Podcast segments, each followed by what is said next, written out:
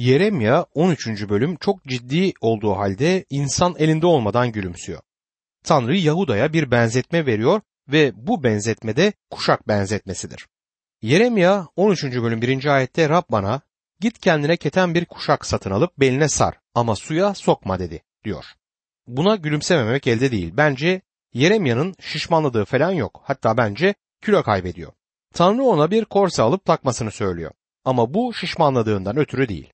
O zamanlarda kuşaklar bu amaçla kullanılırdı. Günümüzdeki korseler vücudun şekli bir fıçı gibi olduğu halde kum saatine benzetmek amacıyla kullanılıyor. O zamanlarda da kuşak yerlere kadar olan giysileri bağlayıp kişiyi hizmete hazır bir hale getirmek için kullanılırdı. Kuşak bir hizmet işaretidir. Rab İsa hizmetkarlarına şöyle der. Luka 12. bölüm 35. ayette. Kuşaklarınız belinizde bağlı ve kandilleriniz yanar durumda hazır olun. Yani hizmete hazır olmalıydılar. Kendisine keten bir kuşak takıp öğrencilerinin ayaklarını yıkamaya başladığında hatırlayacaksınız. Bunun iki anlamı olabilir. Büyük hizmetkar olan kendisi kendisiyle paylaştık içinde olabilsinler diye onların ayaklarını yıkayarak onları hizmete hazırlıyordu. Çünkü eğer onunla paydaşlık içinde değilseniz hizmet edemezsiniz. Hizmet Mesih ile paydaşlıktır. Pazar günü kilisede bir ders vermek, bir ilahi söylemek ya da vaaz vermek demek değildir. Hizmet Mesih ile paydaşlıktır. Temizlenip Mesih'in yapmanızı istediği şeyi yapmakta kullanılmaktır. Tanrı kirli bardakları ya da kirli kapları kullanmaz. Şimdi Yeremya'ya bu kuşakla çok ilginç bir şey yapması söylenecek. Yeremya 13. bölüm 3, 4 ve 5. ayetler. Rab bana ikinci kez seslendi. Satın aldığın belindeki kuşağı al, Perat'a git. Kuşağı orada bir kaya kovuğuna gizle. Rabbim buyruğu uyarınca gidip kuşağı Perat'a yakın bir yere gizledim. Yeremya'nın gerçekten Fırat'a gidip kuşağı saklayıp saklamadığı konusunda her zaman tartışmalar olmuştur. Bence bunu yaptı. O zamanlarda uluslar birbirine gidip geliyorlardı ve bence Yeremya bu yolculuğu gerçekten yaptı. Bu çok tuhaf şeyi yaptı ve geri geldiğinde insanlar herhalde Yeremya neredeydin diye sordular. Yeremya Babil'e gittim diye yanıtlamıştır. Orada ne yaptın? Kralın temsilcisi olarak mı gittin yoksa bir iş gezisi miydi? Yeremya'nın hayır oraya bir kuşağı saklamaya gittim diye yanıtlaması gerekecekti. Dostum bence kalabalık buna gülerdi. Yeremya 13. bölüm 6 ve 7. ayetlerde uzun süre sonra Rab bana kalk Perat'a git. Gizlemeni buyurduğum kuşağı al dedi. Bunun üzerine Perat'a gittim. Gizlediğim yeri kazıp kuşağı aldım ancak kuşak çürümüştü. Hiçbir işe yaramazdı diyor. Yeremya'nın kuşağı takması ve yıkamaması gitgide daha çok kirlenmeye bırakması gerekiyordu. Bence sonunda o kadar kirlendi ki artık bu kuşak kullanılamaz oldu. Sonra Tanrı ona kuşağı Babil'e gömmesini söyledi. Kuşağın bir ibret oluşturmasını istiyordu. Gidip kazıp kuşağı bulduğunda onun hiçbir işe yaramadığını gördü. Bu tuhaf etkinlik acaba ne anlama geliyordu? Yeremya 13. bölüm 8 ve 9. ayetler. Rab bana şöyle seslendi. Rab diyor ki işte Yahuda'nın gururunu da Yeruşalim'in büyük gururunu da böyle çürüteceğim. Tanrı Yahuda halkının sürekli olarak kötülüğe hesaplandıkları için artık kendileri için bir umut kalmayacağı bir yere varacaklarını söyler. Onları Babil'e sürgüne yollayacaktı. Bu çok etkileyici ve ibret verici bir şeydir. Tanrı halkına öğretmek için bazı komik yolları da kullanır. Yeremya 13. bölüm 16. ayette karanlık basmadan, kararan dağlarda ayaklarınız tökezlemeden Tanrınız Rabbi onurlandırın. Siz ışık beklerken Rab onu kopkoyu zifiri karanlığa çevirecek diyor. Tanrı halkına artık akşam oluyor. Hava kararacak ve nereye gittiğinizi bilmeyeceksiniz. Çünkü dağlarda kaybolmuş olacaksınız der. Buna karşın onlardan hala kendilerine dönmesini istiyor. Yeremya 13. bölüm 19. ayette Negev'deki kentler kapanacak. Onları aşan olmayacak. Sürgüne gönderilecek Yahuda. Tamamı sürgüne gönderilecekler. Tanrı onlara tam olarak ne olacağını söylüyor. Ne yapacağını gayet açık bir şekilde bildiriyor. Yeremya 13. bölüm 23. ayette kuşlu derisinin rengini pars beneklerini değiştirebilir mi? Kötülük etmeye alışmış olan sizler de iyilik edemezsiniz der. Kurtulmamış bir insanın iyi şeyler yapması mümkün değildir. İyi şeyler yapan bütün o insanlar Tanrı'yı gerçekten hoşnut etmezler. İnsan işini Rab İsa Mesih'in ismiyle ve onun yüceliği ve onuru için yapana dek işi sadece kendisi için bencil nedenlerden ötürü yapar. Kötü bir yürekten gerçek bir iyilik çıkamaz. Yeremya 14. bölüme geldiğimizde bu noktaya kadar Yeremya'nın Yoşiya'nın egemenliği sırasındaki peygamberlikleri görmüş oluyoruz. Şimdi onu Yehoakim'in egemenliği sırasında bir peygamberlik verirken göreceğiz. Kral Yoşiya egemenliğinin son zamanlarında çok akılsızca davrandı. Mısır firavunu Neco'ya karşı savaşmış ve Megiddo'da öldürülmüştü. Yeremya onun için yas tuttu. Yoşiya onun arkadaşıydı. Yoşiya'nın ölümünden sonra ulus yeniden putperestliğe dönmeye başladı. Bu bölümde göreceğimiz gibi ulusun düşüşü hızlı ve korkunç olmuştu. İlk olarak kuraklık geldi. Tanrı'nın ulusa birinci uyarısı kuraklıktı. Yeremya 14. bölüm 1 ve 2. ayetlerde şöyle yazar. Rab kuraklığa ilişkin Yeremya'ya şöyle seslendi. Yahuda yas tutuyor. Kentleri bitkin, halkı karalar giymiş, yerlere oturmuş, Yeruşalim'in haykırışı yükseliyor. Belli ki kuraklık oldukça şiddetliydi. Ahav'ın egemenliği sırasında bir kuraklık olmuştu ve o sırada İlyas Tanrı'nın mesajını iletmekteydi. Şimdi de kuraklık vardı ve Yeremye kuzeydeki Yahuda krallığına gönderilmiş peygamberdi. Yeremye 14. bölüm 4. ayette ülke yağmursuz, toprak çatlamış, ırgatlar utanç içinde başlarını örtüyorlar der. Toprak çorak ve yağmursuzluktan çatlamış durumdadır. Yeremya 14. bölüm 5. ayette kırdaki geyik bile yeni doğmuş yavrusunu bırakıyor çünkü ot yok der. Sürüler bile, geyikler bile yavrularını bırakıyorlardı çünkü içecek su ve otlak yoktu. Bütün bunlar hem inek ve hem de yavrusu için ölüm anlamına geliyordu. Bütün bunlar Tanrı'nın onları yargılamakta olduğunu ortaya koymuştur. Bu kutsal kitapta sözü edilen 13 kıtlık zamanından birisidir ve hepsi de Tanrı'nın diyara getirdiği yargıdır. Toprak kısır ve ürünsüz olduğu gibi insanların da hayatları öyleydi. Çünkü yaşam suyunu reddetmişlerdi. Tanrı onlara fiziksel yeryüzünde olup bitenlerin ruhsal anlamda da onların yüreklerinde olup bitenler olduğunu gösteriyordu. Yeremya halkının günahlarını itiraf etmek için şimdi Tanrı'ya gidecek. Yeremya 14. bölüm 7. ayet. Suçlarımız bize karşı tanıklık etse de adın uğruna bir şeyler yap ya Rab. Pek çok döneklik ettik sana karşı günah işledik der. Yeremya'nın günahkarlardan biriymiş gibi halkın arasında yerini almasına dikkat edin. Burada hiçbir övünme görmüyoruz. Halkına karşı eleştiren bir tutum, bir belirti görmüyoruz. Bizler döneklik yaptık, günah işledikler. Tanrı'nın halkının diğer insanlara karşı eleştiren bir tutum almaları kolay. Neredeyse Rabbimiz İsa'nın Luka 18. bölümde bize sözünü ettiği ferisi gibi dua ederler. Luka 18. bölüm 11 ve 12. ayetlerde bu ferisinin nasıl dua ettiğine bakalım. Şöyle yazar. Ferisi ayakta kendi kendine şöyle dua etti. Tanrım öbür insanlara, soygunculara, hak yiyenlere, zina edenlere ya da şu vergi görevlilerine benzemediğim için sana şükrederim. Haftada iki gün oruç tutuyor, bütün kazancımın ondalığını veriyorum. Bu kendini Tanrı'nın halkıyla özdeşleştirmek değildir. Yeremya'nın bu tür bir dua etmediğine dikkat edin.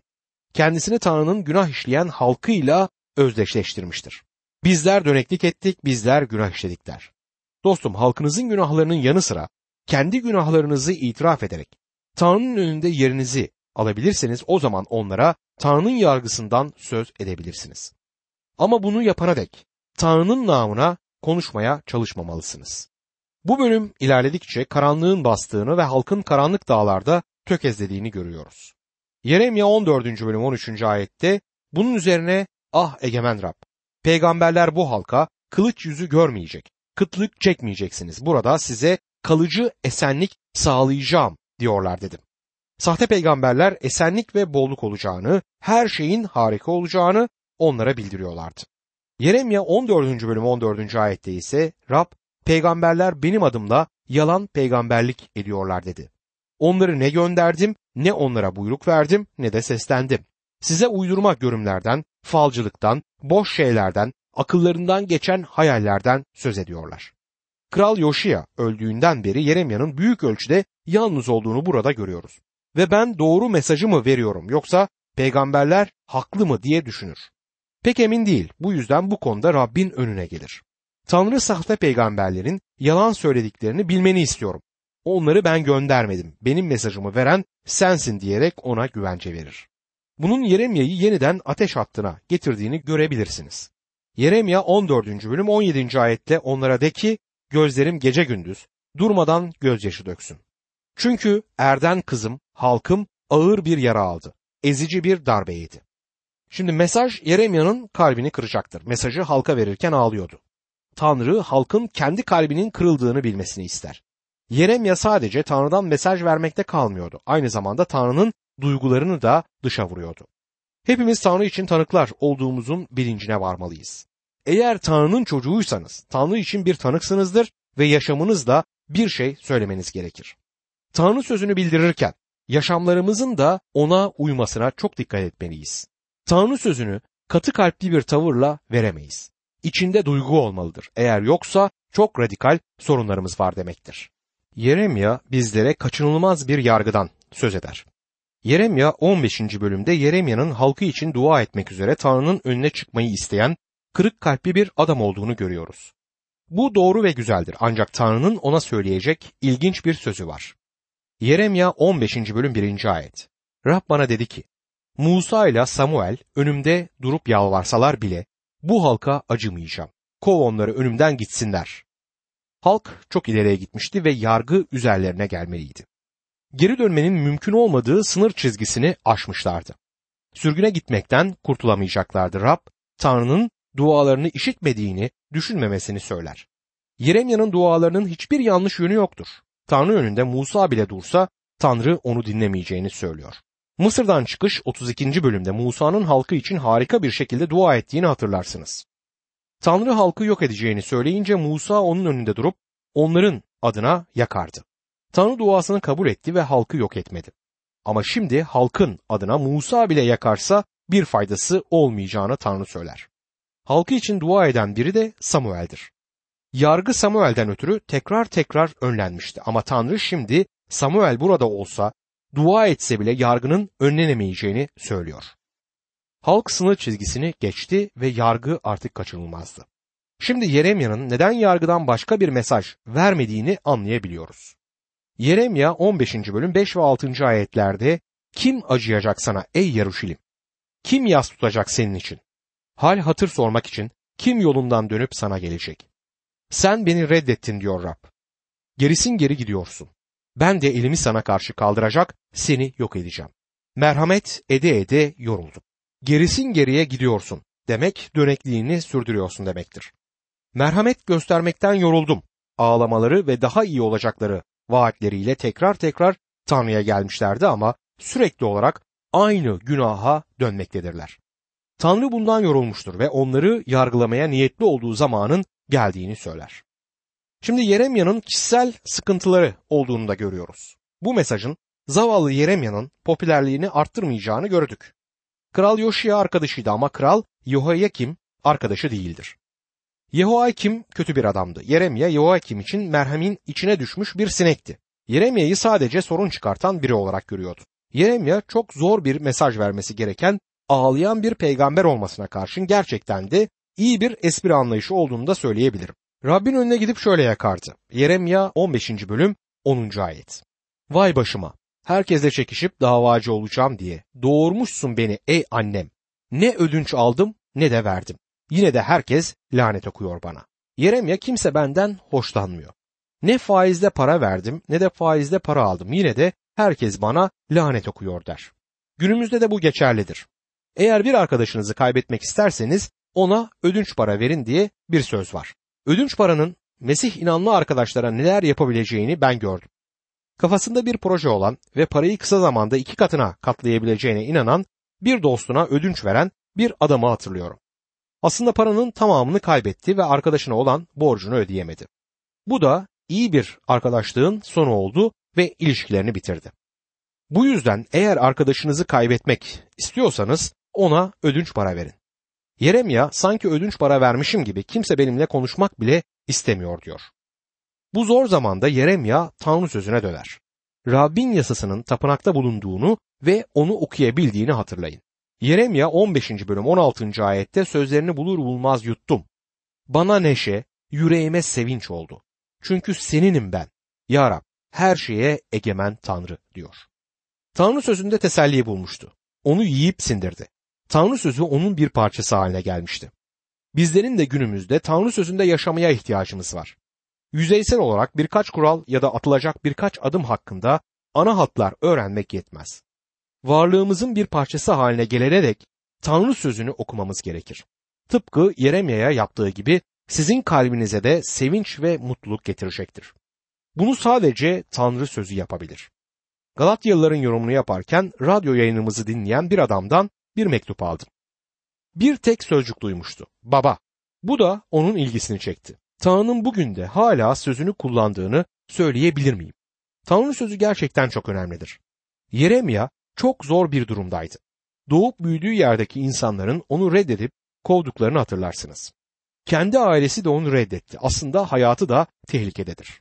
Yeremya 15. bölüm 20 ve 21. ayetlerdi. Bu halkın karşısında sağlamlaştırılmış tunç bir duvar kılacağım seni. Seninle savaşacak ama yeremeyecekler. Çünkü yardım etmek, kurtarmak için ben seninleyim diyor Rab. Seni kötünün elinden kurtaracak, acımasızın avucundan kurtaracağım. Tanrı sen ateş hattında kal, ben sana bakarım diyor. Yeremya 16. bölüme geldiğimizde Tanrı Yeremya'nın evlenmesini yasaklar. Yeremya'nın yaşadığı zaman gitgide daha da zorlaşmaktadır. Yahudi ulusu çaresizliğe düşmeye başlar. Benim değerlendirebildiğim kadarıyla bu Yarışilim'in yıkılışından 10 yıl önceki zamana denk düşer. Yeremya 16. bölüm 1 ila 4. ayetler arasında şöyle yazar. Rab bana şöyle seslendi. Kendine karı alma. Burada oğulların, kızların olmasın. Bu ülkede doğan oğullarla kızlar ve anne babaları için Rab diyor ki ölümcül hastalıklardan ölecekler. Onlar için yas tutulmayacak, gömülmeyecekler. Cesetleri toprağın üzerinde gübre gibi kalacak. Kılıçla, kıtlıkla yok olacaklar. Cesetleri yırtıcı kuşlara, yabanıl hayvanlara yem olacak. Tanrı Yeremya'ya olacak dehşetli olayları bildirir. Yeremya'ya evlenmemesini söyler. Ve bence nedeni açıktır. Eğer Babil'de sürgünden sonra yazılmış olan 137. mezmuru açarsanız çocukların başına gelenleri göreceksiniz.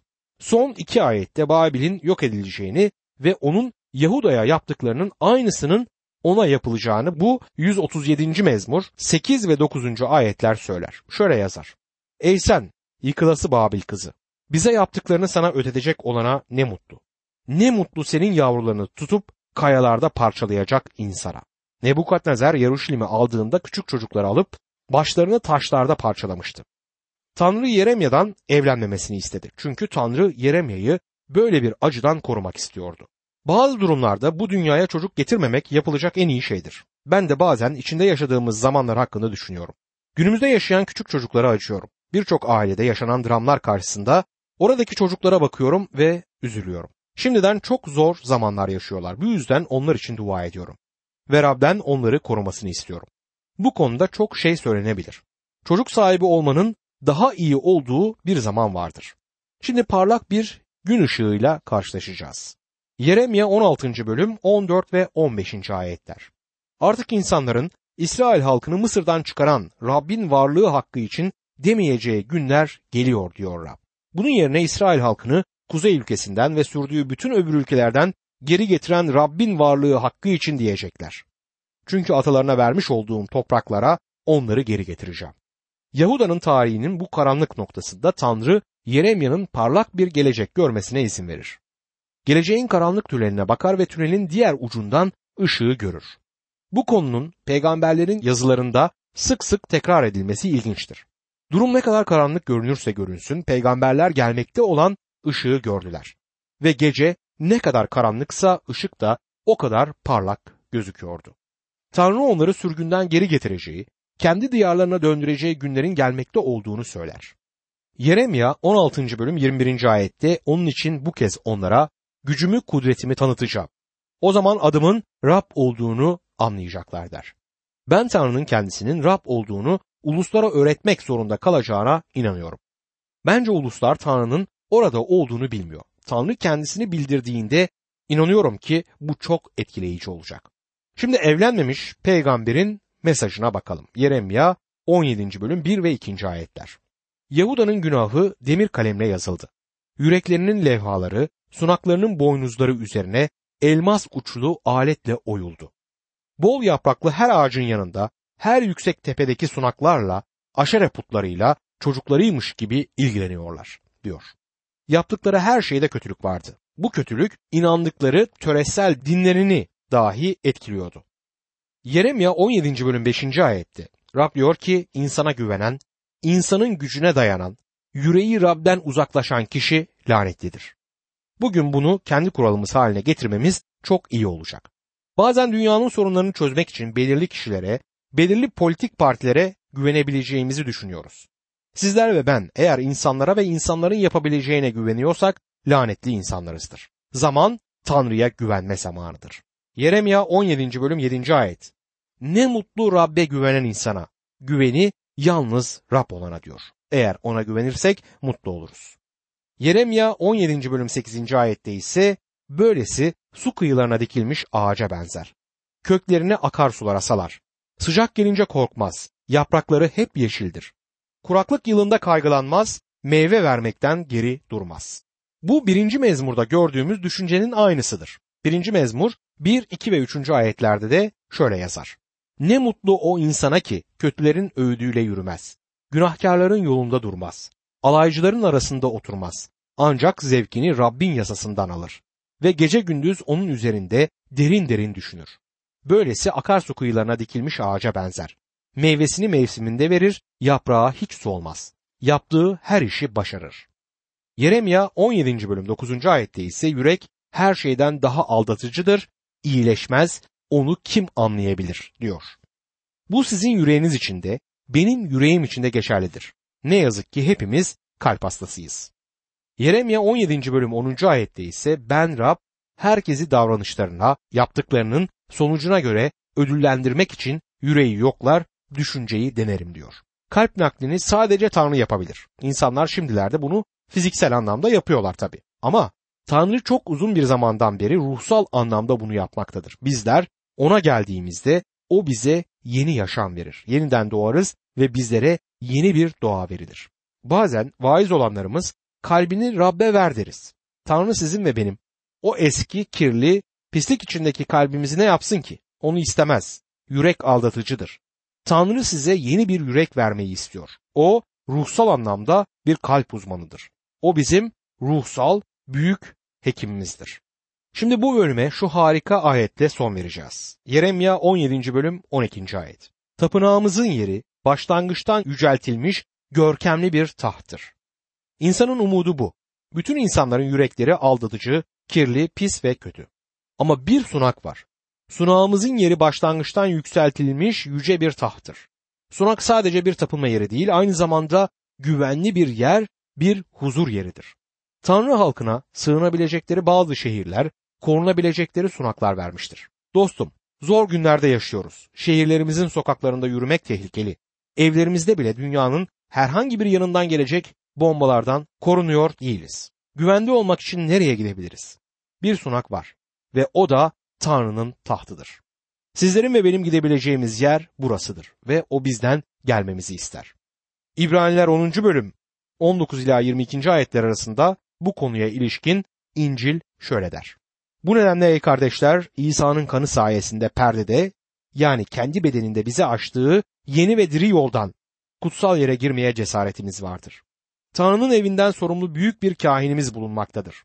Öyleyse yüreklerimiz serpmeyle, kötü vicdandan arınmış, bedenlerimiz temiz suyla yıkanmış olarak, imanın verdiği tam güvenceyle, yürekten bir iştenlikle Tanrı'ya yaklaşalım. Evet bugün Tanrı'ya yaklaşma günüdür.